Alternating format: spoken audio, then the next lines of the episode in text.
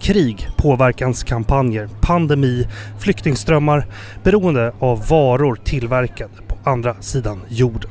Fler och fler faktorer utanför landets gränser påverkar hur svensk nationell politik måste föras. Men har den svenska politiken koll på allt vad man måste ta hänsyn till? Är det någon skillnad på utrikes och inrikespolitik längre? Och får frågan om Sveriges plats i världen den uppmärksamhet den behöver när svenska makthavare samlas på Almedalsveckan?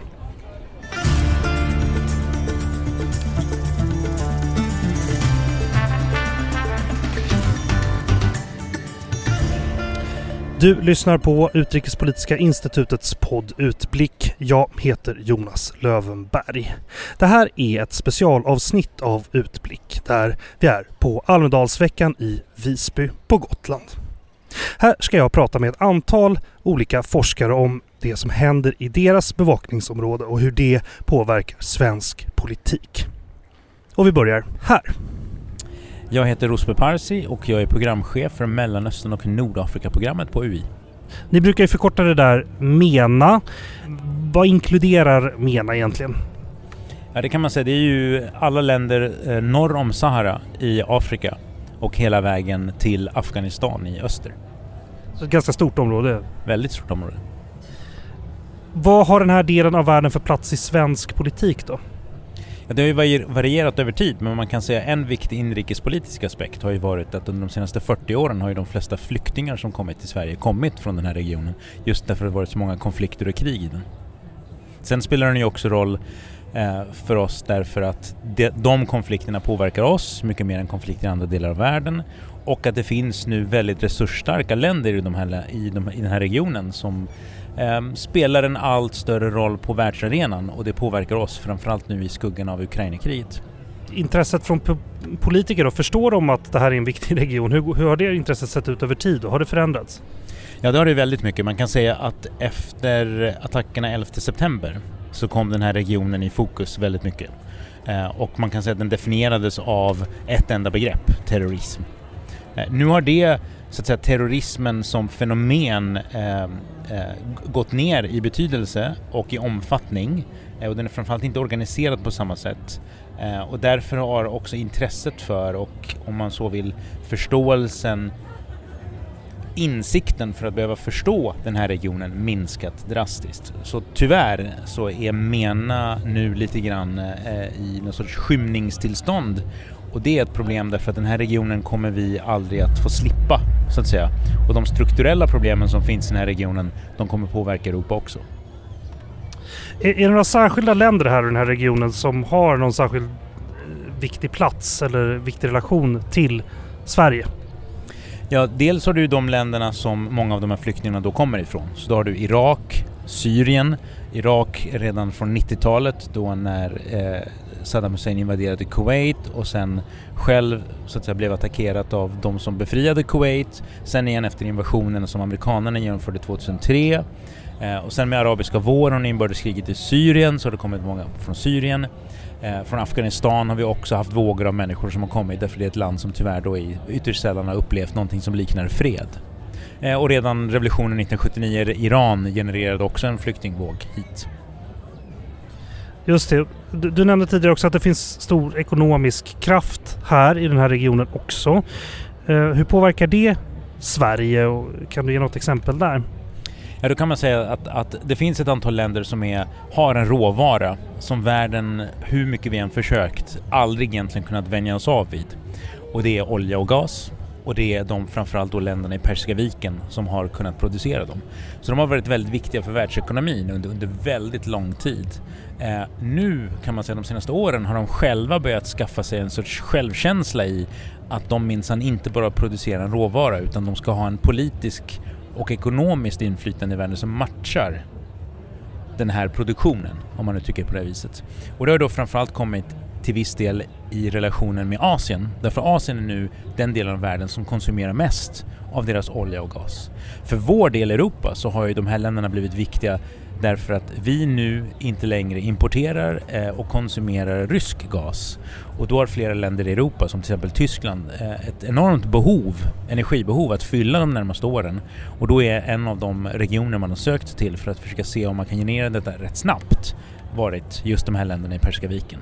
Och sen sitter de här länderna på fabulösa mängder pengar som de då ibland investerar i de mest korkade saker eh, och ibland investerar i saker som faktiskt är bra både för dem och som är, vad ska vi säga, relevanta även för oss. Så att när det kommer till teknik, när det kommer till medicin, när det kommer till alla möjliga olika saker så är de nu mera på framkant. Det här med kriget då som du, eh, som du var inne på, alltså har det gett dem mer politisk makt då eftersom de ju håller den här nödvändiga resursen? Ja, det har det. Eh, och då kan man säga att det handlar inte bara om dem, utan vad det handlar om är att vi har gått in i den här konflikten och ser den som en vattendelare i europeisk, men också i global politik. Den bilden delas inte av väldigt många i resten av världen, inte bara i den här regionen. Utan det är inte att de tycker att det Ryssland gjorde var bra, de fördömer det, de flesta av de här länderna har fördömt det. Men de är inte investerade i den här konflikten på det viset som naturligtvis Europa är. Och det gör att beroende på vilken förmåga länder har att, vad ska vi säga, värja sig och att upprätthålla självständighet så är de också olika benägna att ta vår story och göra den till sin. Och de här länderna framförallt, som vi pratar om i Persiska viken, de menar att de ska inte behöva välja. De ska med andra ord kunna sälja till Kina, till Ryssland, ha relationer till Ryssland och till oss i Europa. Och eftersom de är resursstarka så kommer de troligtvis också att lyckas att upprätthålla den, vad ska man säga, domvärjon över sin egen politik. Till, tillbaka till flyktingarna här då. Det är ju något som har tagit väldigt eh, mycket plats i svensk politik de senaste två, tre mandatperioderna. Alltså hur påverkar eh, flyktingläget i Sverige vår relation till de här länderna som flyktingarna kommer ifrån? Ja, då kan man säga så här att, att eh, om det någonsin fanns bra bevis för att detta med inrikespolitik och utrikespolitik är två olika saker, att det inte stämmer, så är det nu. Därför att vi ser till exempel att kurdiska flyktingar i Sverige eh, som har varit här i årtionden, deras politiska aktivism gentemot gamla hemländer som till exempel Turkiet spelar jättestor roll i vår relation till Turkiet. Det gör det också såklart till den kurdiska så att säga, delen av Irak eh, och de syriska flyktingarna om de ska åka tillbaka eller inte åka tillbaka och vad de ska åka tillbaka till är ju lika mycket svensk inrikespolitik därför att olika partier i Sverige är olika, för att uttrycka det enkelt, flyktingvänliga Eh, och olika så att säga ehm, har olika idéer om, om, hur den här situationen ska lösas i Sverige och det påverkar såklart relationerna till de här länderna. Mm. Och det har lika mycket också att göra med till exempel religionsfrihet i Sverige, ska man få bränna en koran eller inte? Alla de där sakerna är inte längre inre angelägenheter i Sverige därför att de på sociala medier sprids omedelbart, förvanskas ofta, men ändå sprids och blir en del av så att säga, nyhetskonsumtionen och därmed också saker och ting som folk både reagerar på och aktiveras av i de här länderna. Sen så en, en sak till om, om Rysslands krig mot Ukraina här. Hur påverkar det MENA-området och, alltså, och i så fall på, på vilket sätt? Jag menar mer ur ett säkerhetspolitiskt perspektiv. Ja, då kan man säga att säkerhet är ju väldigt många olika saker. Sen att de första omedelbara konsekvenserna, det är ju detta med matosäkerhet. Det vill säga att mycket av, eh, av vår del och Mellanösterns spannmål kommer från Ukraina och Ryssland. Så den ena fick det svårare att sälja och den andra kunde inte sälja därför de var i ett brinnande krig och deras territorium ockuperades. Och det gör att länder som inte själva är självförsörjande när det kommer till mat, som till exempel Libanon eller Egypten som importerar nästan allt som de behöver för daglig konsumtion, eh, de hamnade i en jättesvår sits. Dels i att fanns det något att få tag på och framförallt såklart, det kommer kosta ofantligt mycket mer. Eh, och kombinerar man det då med att deras ekonomi från början var eh, skral, pandemin strax innan dess, så hade de inte heller särskilt mycket köpkraft till att börja med. Eh, Än som de hade kunnat försöka köpa. Så att där har vi en aspekt, detta med, liksom, detta med mat och att en del andra länder också har energiproblem. Så det är inte så att alla länder i Mellanöstern har olja och gas, utan det är ju, de här länderna framförallt i Nordafrika har ju oftast inte det. Eh, eh Libanon till exempel, eh, som då inte ligger i Nordafrika men liksom eh, mot Medelhavet till. Så att i det avseendet så har det påverkat de här länderna som redan var relativt svaga. Sen är det då självfallet frågan, måste de välja sida? Och vilken sida ska de välja och vad blir konsekvensen av att välja sida? Avslutningsvis då, vad ska vi hålla koll på i MENA-regionen framåt? Ja, en intressant eh, och för en gångs skull relativt positiv utveckling är ju att Saudiarabien och Iran verkar försöka åtminstone att tona ner sina konflikter. Eh, och få ner temperaturen. Sen får vi se om det leder till något mer konstruktivt strukturellt, det vill säga att det blir något mer än bara att vi inte bråkar så mycket med varandra som vi brukar. Så det är en, en aspekt. En annan aspekt är ju till exempel utvinnandet av just gas i Medelhavet, i östra Medelhavet, där både Cypern, Grekland, Turkiet och Israel och Libanon är inblandade. Eh, vi vet inte liksom, kan de komma överens om det och kan det leda till andra typer av öppningar eller kommer de börja träta om så att säga vem som äger vad? Så det är några av de här sakerna. Men det som är tonen som finns under ytan hela tiden, det är att det här är unga samhällen med väldigt stora eh, stor andel av befolkningen som är ung och vill en massa saker och är extremt frustrerade över att leva i korrupta, inte särskilt effektiva ekonomiska och politiska system. Eh, och det är den lång, långsiktiga utmaningen för de här länderna och därmed till viss del även för Europa. Tack så mycket. Jag heter Björn Kapelin. Jag är biträdande chef för Nationellt kunskapscentrum om Kina på Utrikespolitiska institutet. Till att börja med, vad, ska du göra här i Almedalen? Jag ska delta i tre paneler eh, och prata om olika aspekter av Kina. Kinas roll i världen, Kinas syn på världsordningen och eh, om Kina som eh, investerar i Sverige. Är det något särskilt du ska hinna kolla på också? Nej, men jag tänker att jag ska försöka gå runt och se vad som händer och prata med folk och se var, var, de, om, var det finns intressanta samtal om Kina. Också första gången på Gotland har jag hört. Det är första gången på Gotland, första gången i Almedalen, det är jätteroligt. Spännande. Okej, men vad har Kina för plats i svensk politik då? Jag skulle säga att Kina tar allt större plats i svensk politik. Eh, tidigare var det ju mest en ekonomisk diskussion om Kina. Kina som stor marknad, Kina som ett tillverkningsland och så vidare. Idag så är det mer och mer en diskussion som handlar om risker och hot eh, och hur Kinas allt mer aktiva globala agerande innebär utmaningar för Sverige på flera områden. Finns det då missuppfattningar om, om Kina i den offentliga debatten här i Sverige? Är det något vi missar ofta när vi pratar om Kina? Nej men jag vet inte om det är något så mycket vi Alltså Kina är stort och komplext så det är klart att det finns saker som vi inte fångar upp. Men min största, eh, liksom den största utmaningen med debatten i Sverige är ju att det finns en tendens till att förenkla. En ensidighet, det är antingen inga problem alls eller bara problem eh, när vi pratar om Kina. Så jag tror vi behöver gå mer på djupet i frågorna, bena ut de komplexiteter som finns.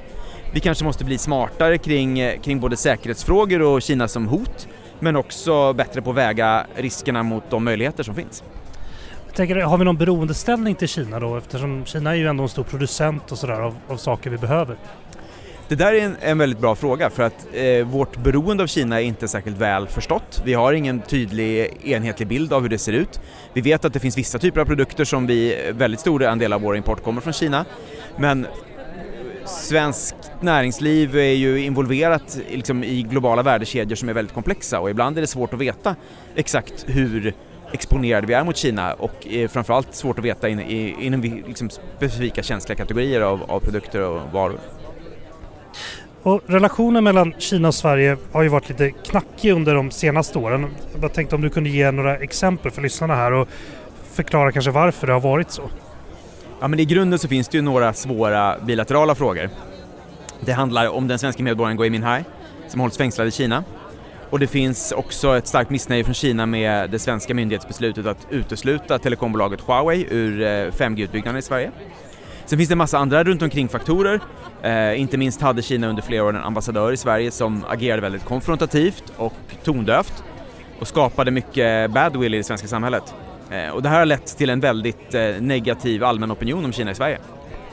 När vi pratade om det här någon gång så sa du att just den här ambassadörens liksom, plats är det kanske har bidragit väldigt mycket till den svenska bilden av hur Kina agerar. Kan du utveckla det?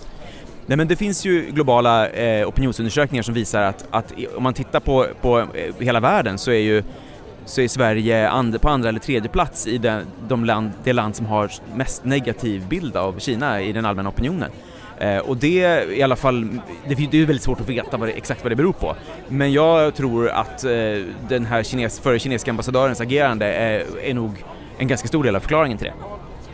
Just Och nu då, hur ser relationen ut nu? Den här ambassadören har fått åka hem, har fått en ny ambassadör för Kina och, och så vidare. Hur ser relationen ut idag? Ja men i grunden så är den ju oförändrad, för de här frågorna är ju inte lösta. Gui Minhai sitter fortfarande i fängelse i Kina och eh, Huawei får inte delta i, eh, i 5G-utbyggnaden. Men det finns ju tydliga tecken på att Kina vill hitta sätt att förbättra samtalstonen i diskussionen och att understryka liksom de, de positiva möjligheter som finns i, i den bilaterala relationen. Okej, men Sverige då? Vill Sverige understryka de positiva saker som finns? Hur ser viljan i Sverige ut? Jo, men jag skulle säga att det är klart att det finns en vilja i Sverige. Det finns ju fortfarande starka liksom, intressen både, både kommersiellt men också inom forskning och vissa andra områden av, av att ha ett utbyte med Kina. Eh, men vi har ju också en, en, debatt att förhålla oss till som handlar mer och mer om, om säkerhet och risker och det är klart att vi, eh, i, i den här debatten så, så nämner man ju ofta ordet naiv, att vi, att vi inte har varit tillräckligt bra på att se de hot och, och risker som, som, som Kinas agerande kan innebära. Och exempel på det, dina kollegor släpper här i dagarna en rapport om att Kina har bedrivit påverkan genom kinesiska språkskolor i Sverige. Det finns andra exempel på kinesisk påverkan i Sverige. Alltså varför bryr sig Kina om vad lilla Sverige tycker och hur går, de här, hur går det här till? Ja men den här rapporten är ju spännande och det är ett angeläget ämne och eh, i grunden så handlar det här mest om en kinesisk politik som går ut på att den kinesiska partistaten vill dominera eller kontrollera utrymmet för den kinesiska diasporan, alltså de personer med kinesiska rötter som bor i Sverige. Eh, och det vill man göra för att hindra framväxten av ett regimkritiskt kinesiskt civilsamhälle i utlandet. Så att den, den, när det, det specifika fallet med språkskolorna handlar väldigt mycket om, om diasporan. Men sen finns det ju förstås exempel på hur Kina vill påverka den breda folkopinionen i Sverige också. Eh, det finns ju exempel av den lite klumpigare sorten som då den förra ambassadören, eh, men också andra och mer subtila exempel. Ehm, men okej, okay, men, men varför är det viktigt för Kina då vad Sverige tycker? Vi är ändå ett litet land. Jag tror att det handlar väldigt mycket om att, att Kina ser eh, sig som en stormakt och eh, i, i, den kinesiska världssynen så har ju eh, stormakter eh, liksom kan ta sig rätten att agera på ett sätt som, eh, som små stater inte kan göra och att små stater måste foga sig efter stormakters vilja. Så jag tror att, att eh, för, Kina, för den kinesiska sidan så ser man nog Sverige och kanske de protester som Sverige då har framfört mot, mot behandlingen av Gui Minhai till exempel, men också ett svenskt agerande till exempel mot Huawei som ett exempel på ett, ett litet land som, som är lite, vad ska man säga, lite uppstudsigt och att man, som man vill, från kinesisk sida vill se att, att, eh, att man ska rätta in sig i ledet liksom. Hur har Kinas inställning till vad de har för plats i världen och förändrats under sig de senaste tio åren? För det har du sagt att de har gjort till mig någon gång. Ja, men kan, man kan säga att det, de senaste tio åren är väldigt viktiga för det är den perioden sen, sen Xi Jinping blev högste ledare i Kina. Vi har sett att Kina har mycket övergett den policy som man, som man levde efter länge som handlade om att ligga lågt och bida sin tid i internationella relationer. Och Kina har en väldigt tydlig och uttalad ambition att inta, eller som kommunistpartiet ser det, att återta platsen som den ledande stormakten ekonomiskt, politiskt och, och militärt. Och ett led i det är ju att stöpa om världsordningen så att den här resan mot, mot, mot toppen inte hindras. Exempelvis genom att göra den här internationella världsordningen mer statscentrerad och mindre benägen att intervenera eller lägga sig i andra länders internationella interna angelägenheter. Just det. Och den här nya inställningen då, påverkar den relationen till Sverige på något vis? Ja men det gör ju att Kina mer och mer ser det som sin rättighet eh, att som stormakt köra över mindre länder och diktera villkoren för dem. Och vi ser ju det här också i internationella organisationer som eh, FN, som ju traditionellt varit en viktig arena för Sverige. Där är Kina en allt mer inflytelserik aktör. Just det, och lyssna på ett jättebra avsnitt vi, vi har gjort om FN, jag och Björn. Um, Okej, okay, avslutningsvis då, kan du säga något vad du tror om, om relationen mellan Sverige och Kina, hur den kommer utvecklas framåt? Det är väldigt svårt att, att, att göra några säkra förutsägelser men jag tror att vi kommer nog vara, befinna oss i ett läge där vi måste balansera eh, intressen som handlar om ett öppet utbyte med Kina på olika områden med en mer restriktiv och säkerhetsbetonad hållning på andra. Och att det här kommer vara en ganska eh, tuff balansgång tror jag, för ett, framförallt för ett land som Sverige som är litet, eh, en öppen ekonomi, eh, traditionellt väldigt eh, frihandels och öppenhetsvänligt. Liksom. Okej, men tack Björn. Hoppas du har det kalas på Almedalen. Tack så mycket. Jag heter Gunilla Herolf. Jag är associerad seniorforskare vid Utrikespolitiska institutet i Stockholm. Och det område jag håller på med det är europeisk säkerhetspolitik. Och till att börja med, vad ska du göra i Almedalen? I Almedalen ska jag delta i en eh, seminarium som handlar om finskt, svenskt eh, samarbete inom försvarspolitiska området och eh, vi kommer att ställa oss frågan hur ser det ut med tanke på hur osäkert det är i vår omvärld med detta samarbete. Ja, och vad, vad, har Sverige för plats i internationell säkerhetspolitik då? Om man tittar på det globala området så har vi ingen stor plats. Vi är ett mellanstort land i Europa. Eh, vi sticker inte ut på något eh, särskilt sätt nu. Eh, vi har inte gjort några tokigheter som gör att andra blir oroliga för vad vi kan ställa till med. Och vi är väl ett land som är inte särskilt problematiskt sett för någon skulle jag säga. Och sen har vi förstås frågan om NATO och då kommer vi in på problem. Ja, och vi kommer ju till det. Jag ska också fråga, du, du har ju precis landat här råkar jag veta. Eh, men du kanske har hunnit titta lite i programmet. T tror du säkerhetsläget i Europa påverkar vad man pratar om på, på årets Almedalen? Det är jag alldeles övertygad om. Jag menar, vi är en kontinent som har ett krig på gång. Ett krig där ett europeiskt land har attackerat ett annat. Det är en oerhört stor och eh, fruktansvärd sak som har hänt och den påverkar allt skulle jag säga. Det påverkar Europa, det påverkar världen och det påverkar givetvis Almedalen också då. Ja, vi, vi har ju en NATO-ansökan som ligger och väntar på att bli godkänd. En eh, ansökan som betyder slutet för vår svenska neutralitet som den har sett ut. Hur, hur förändrar det här synen på Sverige ute i världen tror du? Eh, Först skulle jag vilja byta lite av beteckning. Sverige var ett neutralt land i många år i samband med krig. Men det som vi brukar kalla oss det har varit alliansfrihet men med en neutralitetspolitik. Det vill säga att vi har tänkt oss att i ett krig skulle vi vara neutrala. Och så förhöll det sig ända fram till och med att muren föll. Så 1992 då sa man så här i Sverige nu har muren fallit, vi har ingen eh, hotfull situation i Europa, det kalla kriget är över och därför så vet vi inte riktigt hur ett krig skulle se ut i fortsättningen. Just nu är det en harmonisk period i Europa och vi vill inte kalla oss eh, neutrala, ha en neutralitetspolitik. Eh, Eh, längre men däremot är vi fortfarande alliansfria. Så vi, eh, och det intressanta har inträffat efter det att Sverige gradvis har kommit närmare väst, närmare NATO. Så under många år, först gick vi med i EU 1995 och sen därefter så har vi en rad avtal där vi har kommit väldigt nära NATO.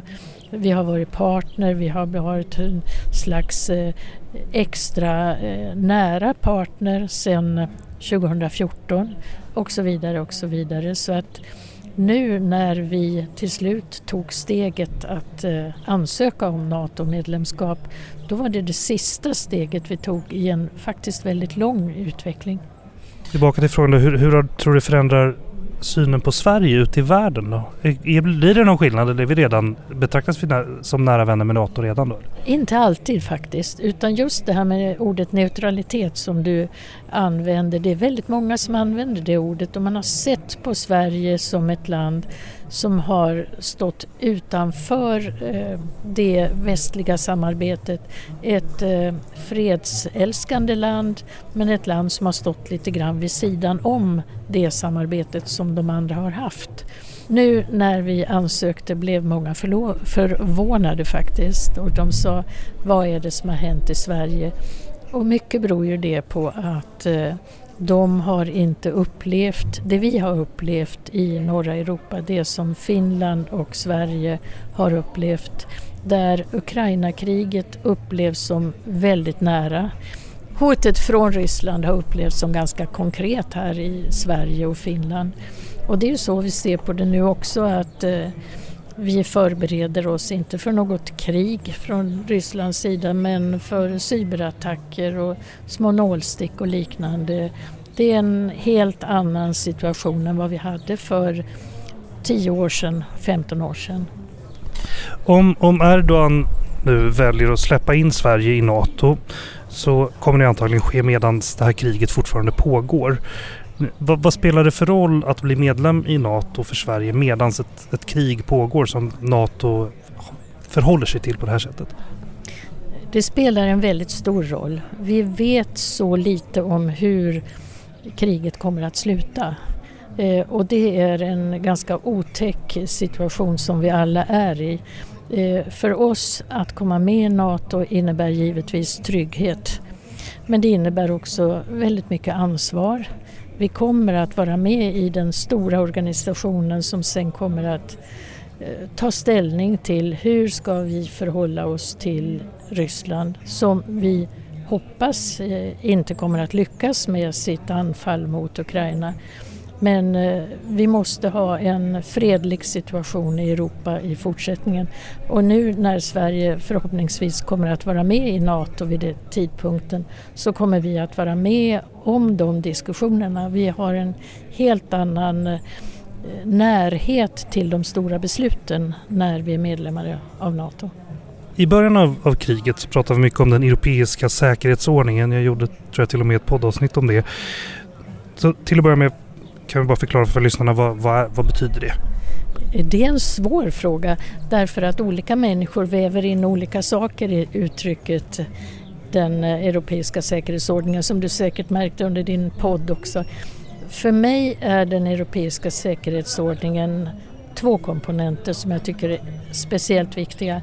Det ena är att alla länder som är inom denna ordning respekterar andra länders gränser självklart inte anfaller ett annat land men inte heller beter sig illa på något annat sätt utan det ska vara respekt mellan länderna. Och det andra, det är också viktigt, det har med att avtal ska gälla. Eh, rule of law brukar man säga på engelska och eh, det är oerhört viktigt för om inte avtal gäller då sluter man inga avtal utan då är det den starkares makt mot den svagare. Och det är ofta det man tänker på när man säger att den europeiska säkerhetsordningen inte gäller längre. Och det var ju lite grann av det som Ryssland var inne på när man skrev ett eh, brev till NATO i december 2021. Eh, den ryska inställningen de senaste åren har varit just detta. De små länderna ska inte säga till, ha någonting att säga till om. Det är de stora länderna som ska forma världen. Och då är vi väldigt långt borta från den europeiska säkerhetsordningen som jag ser det och som jag tror de flesta ser det. Ja, nu har du svarat lite på det. Jag tänkte fråga vad som har hänt med den europeiska säkerhetsordningen. Men vad, har vi, vad är det för ordning som råder nu då? Kan man säga något om det? Ja, vi försöker ju att hålla fast vid den europeiska säkerhetsordningen. Det är ju därför vi stödjer Ukraina så starkt som vi gör. Det är inte tillåtet att eh, anfalla ett annat land. Även om det inte är ett land som tillhör NATO så är det ändå ett europeiskt land. Eh, vi har ju en rad länder också försökt med att få det genom FN men det går inte. Ryssland sitter i säkerhetsrådet och kan använda sin vetorätt där. Men det går emot allting som vi är för om ett land ska kunna attackera och annektera ett annat land. Var tar då det landets aptit slut? Knappast med det första landet utan säkert kommer man att fortsätta med att kontrollera och möjligen också annektera andra länder. Det är en otroligt farlig utveckling som de flesta länder i Europa ser det om Ryssland skulle komma undan med att eh, ta Ukraina och inte längre ha ett självständigt land där. Eh, vi pratar om NATO här men vad har EU för roll i säkerhetspolitiken då? EU har en allt större roll inom säkerhetspolitiken och det har mycket att göra med att säkerhetspolitiken inte längre ses som militär enbart. Om vi tittar till exempel på cyberattacker, de kan vara lika förödande för ett land som utsätts för det som en militär attack. Handelsfrågor, vi ser ju sanktionerna, hur de biter, det är också väldigt viktigt. Så att eh, EU har gradvis närmat sig NATO i det avseendet att man ser sig som medverkande i en säkerhetspolitik dessutom också eh, med mindre styrkor. Men EUs styrkor är cirka 5000 man.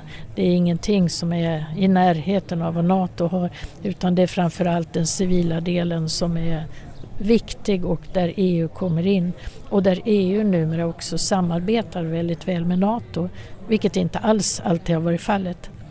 Men skulle det gå att frigöra sig från NATO om Ryssland nu ser USA som den stora motståndaren, som, som det stora problemet med NATO? Skulle EU kunna frigöra sig från NATO och själva kontrollera säkerheten eller ha kontroll över den?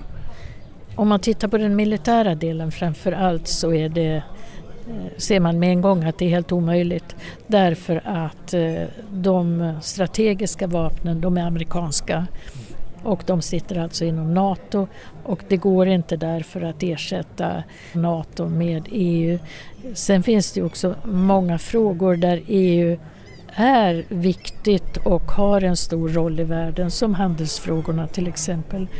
Och jag tror att eh, de flesta i Europa ser det som viktigt att EU är eh, kompetent också till en del inom det militära området även om man inte kan ersätta NATO. I ljuset av allt det här vi har pratat om, hur, hur ser den svenska försvarsdebatten ut? Just nu så är det inte särskilt mycket debatt. Vi hade ju en debatt förra året om NATO och det var ju en process som gick eh, väldigt snabbt. En del tyckte att det var alldeles för snabbt och det kan man väl hålla med om men sån var situationen. Vi hade inte tiden att diskutera det hela väldigt länge och det innebär ju att eh, hos en del så är kunskapen om NATO inte så utvecklad och det är naturligtvis inte bra och då hoppas jag att det kommer att bli mer av en säkerhetspolitisk debatt på en nivå där man vet mer om vad medlemskap i NATO innebär. Just nu tycker jag att man diskuterar mest om försvaret. Vad kan vi göra för att vi ska kunna hjälpa till i Ukraina och samtidigt kunna försvara Sverige. Samtidigt ta hand om det civila försvaret i Sverige. Det är stora frågor. Eh, och eh, det finns vissa naturligtvis som inte alls är nöjda med att vi gick in i NATO men stödet för NATO har ju gått upp eh, så att det ligger strax under 70 procent nu och det är ju väldigt mycket. Här är en enorm skillnad från innan får man ju säga. Okej, avslutningsvis då. Vilka är de största säkerhetspolitiska utmaningarna för Sverige då framåt? Ja, det är många. Det är Framför allt så gäller det att vi stödjer Ukraina. Det är inte lätt, det kommer inte att gå lätt för Ukraina. Eh, det har vi sett. Ryssarna har lyckats gräva ner sig ordentligt, minera ordentligt och det gäller att Sverige och alla andra länder i Europa orkar med.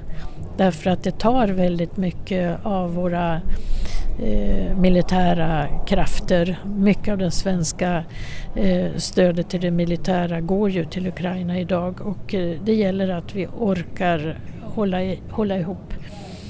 Eh, det är jätteviktigt. Vad jag också tycker är viktigt när det gäller våra utmaningar det är att bidra till ett Europa som eh, är enat. Och då pratar jag inte särskilt om NATO utan, eller EU utan överhuvudtaget.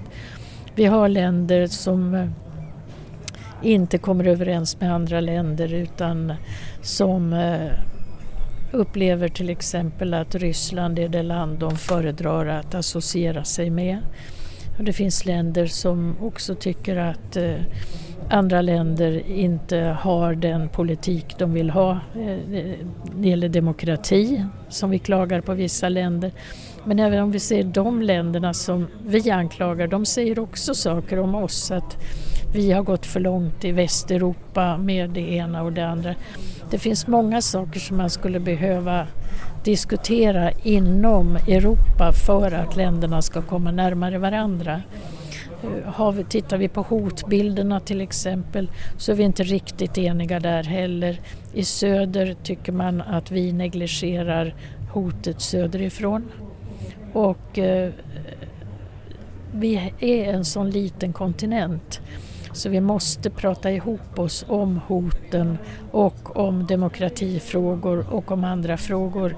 För att om vi inte hänger ihop, om vi inte håller ihop så kommer vi att få stora problem gentemot en aggressiv stat som Ryssland men också Kina som är vår konkurrent och så vidare.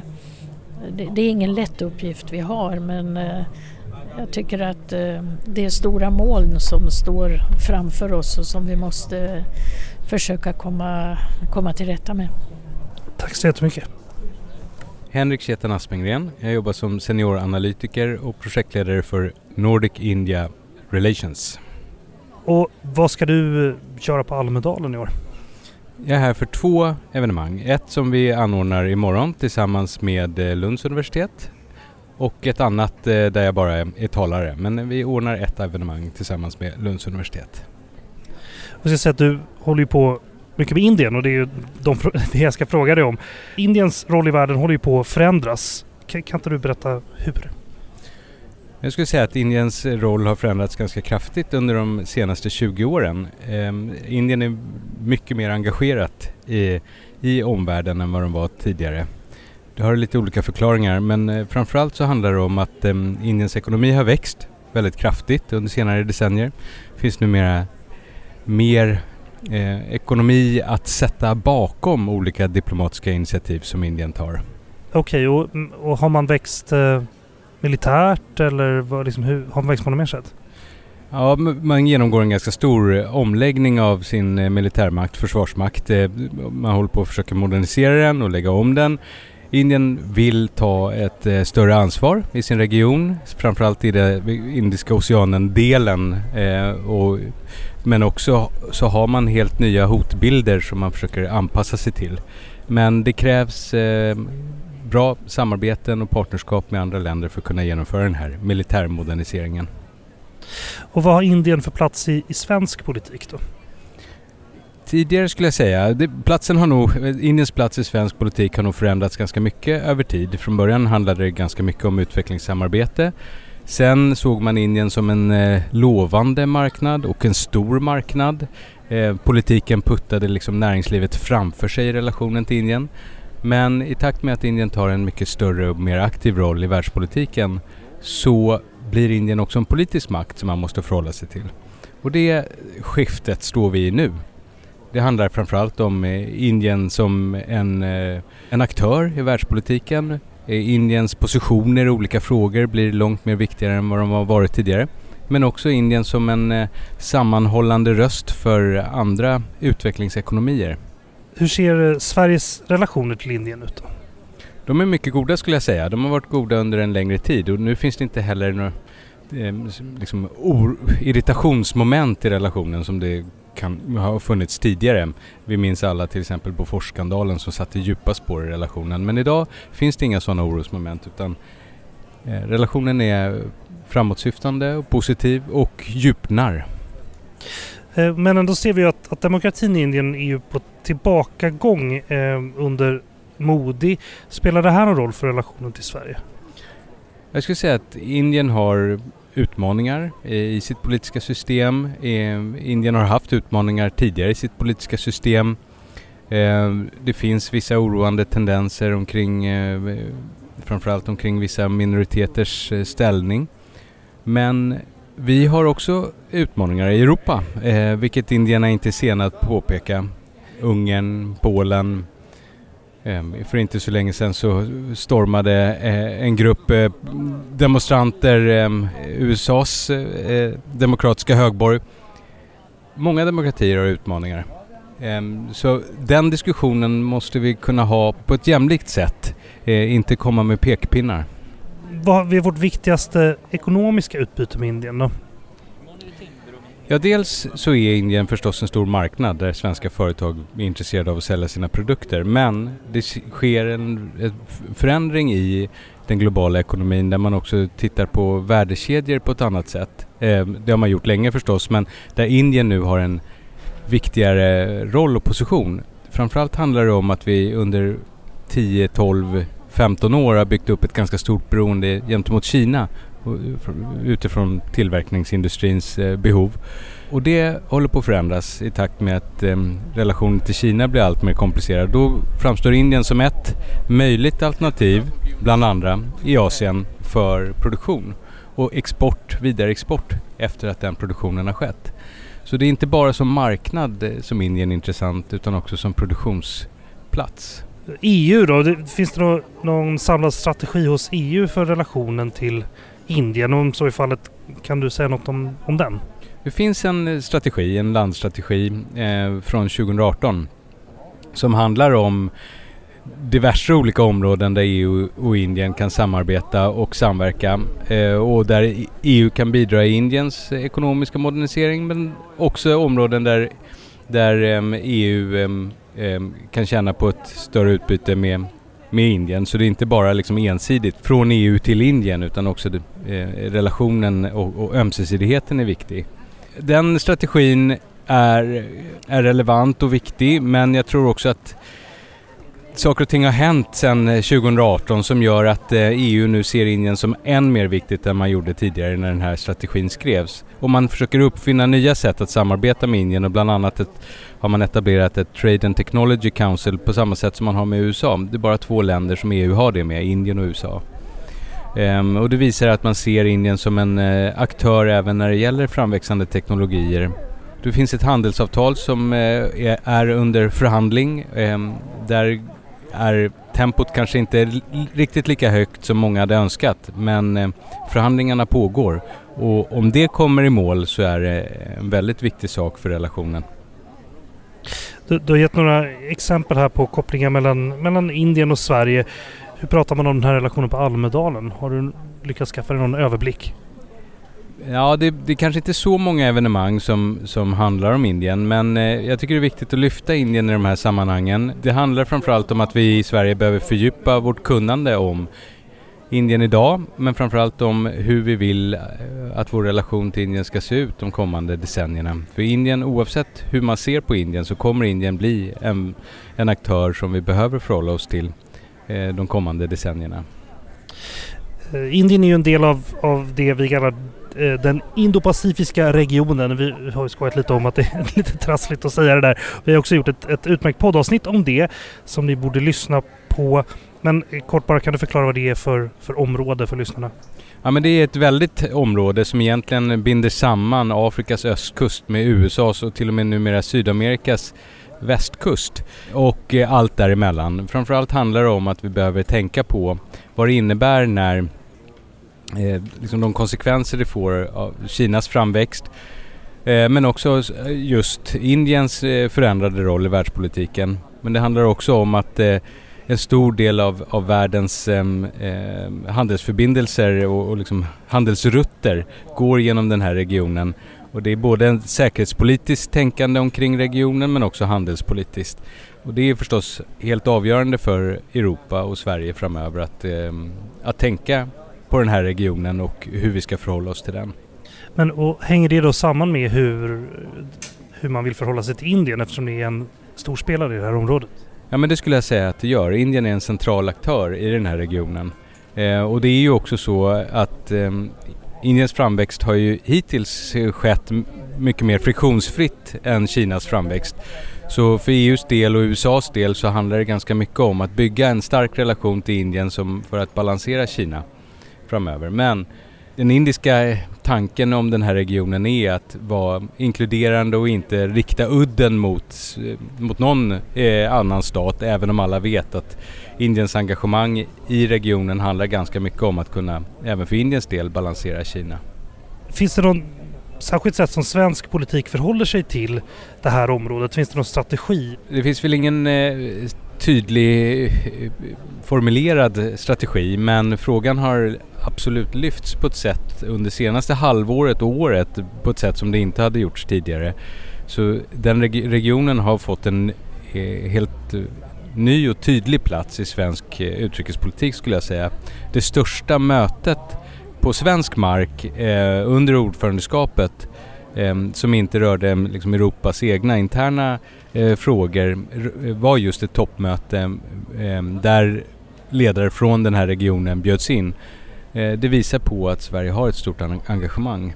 Vi säger igen den Indo-Pacifiska regionen ja, på svenska. Jag brukar försöka undvika det, jag tycker det är så svårt att säga. Eh, men Just det. Just det. Indo-Pacific får man säga. Ja. Okej, avslutningsvis då Henrik. Um, ser du någon riktning för relationen mellan Indien och Sverige? Och hur, ser framtiden ut för samarbetet mellan våra länder? Eh, det ser väldigt eh, eh, positivt och ljust ut skulle jag säga. Men jag tror att vi just gör det här skiftet i Sverige nu. Att tänka på Indien inte bara som en stor marknad, framväxande marknad, utan faktiskt som en stor framväxande makt. Och det, det politiska tänkandet omkring Indien har definitivt ökat men vi behöver tänka vidare omkring det och det hoppas jag att det här seminariet i Almedalen men också en pågående dialog och diskussion eh, med till exempel oss på UI kan bidra till att vi, att vi tänker på Indien som den eh, utrikespolitiska faktor som det ändå är. Tack så jättemycket. Tack till Rospe Parsi, Björn Kappelin, Gunilla Herolf och Henrik Chetan Aspegren för att ni tog er tid att vara med. Nu har du lyssnat på Utblick. Glöm inte att trycka på prenumerera-knappen i appen där du lyssnar på oss. Vår vignett är skriven av Frid en Frid. Jag heter Jonas Lövenberg. På återhörande.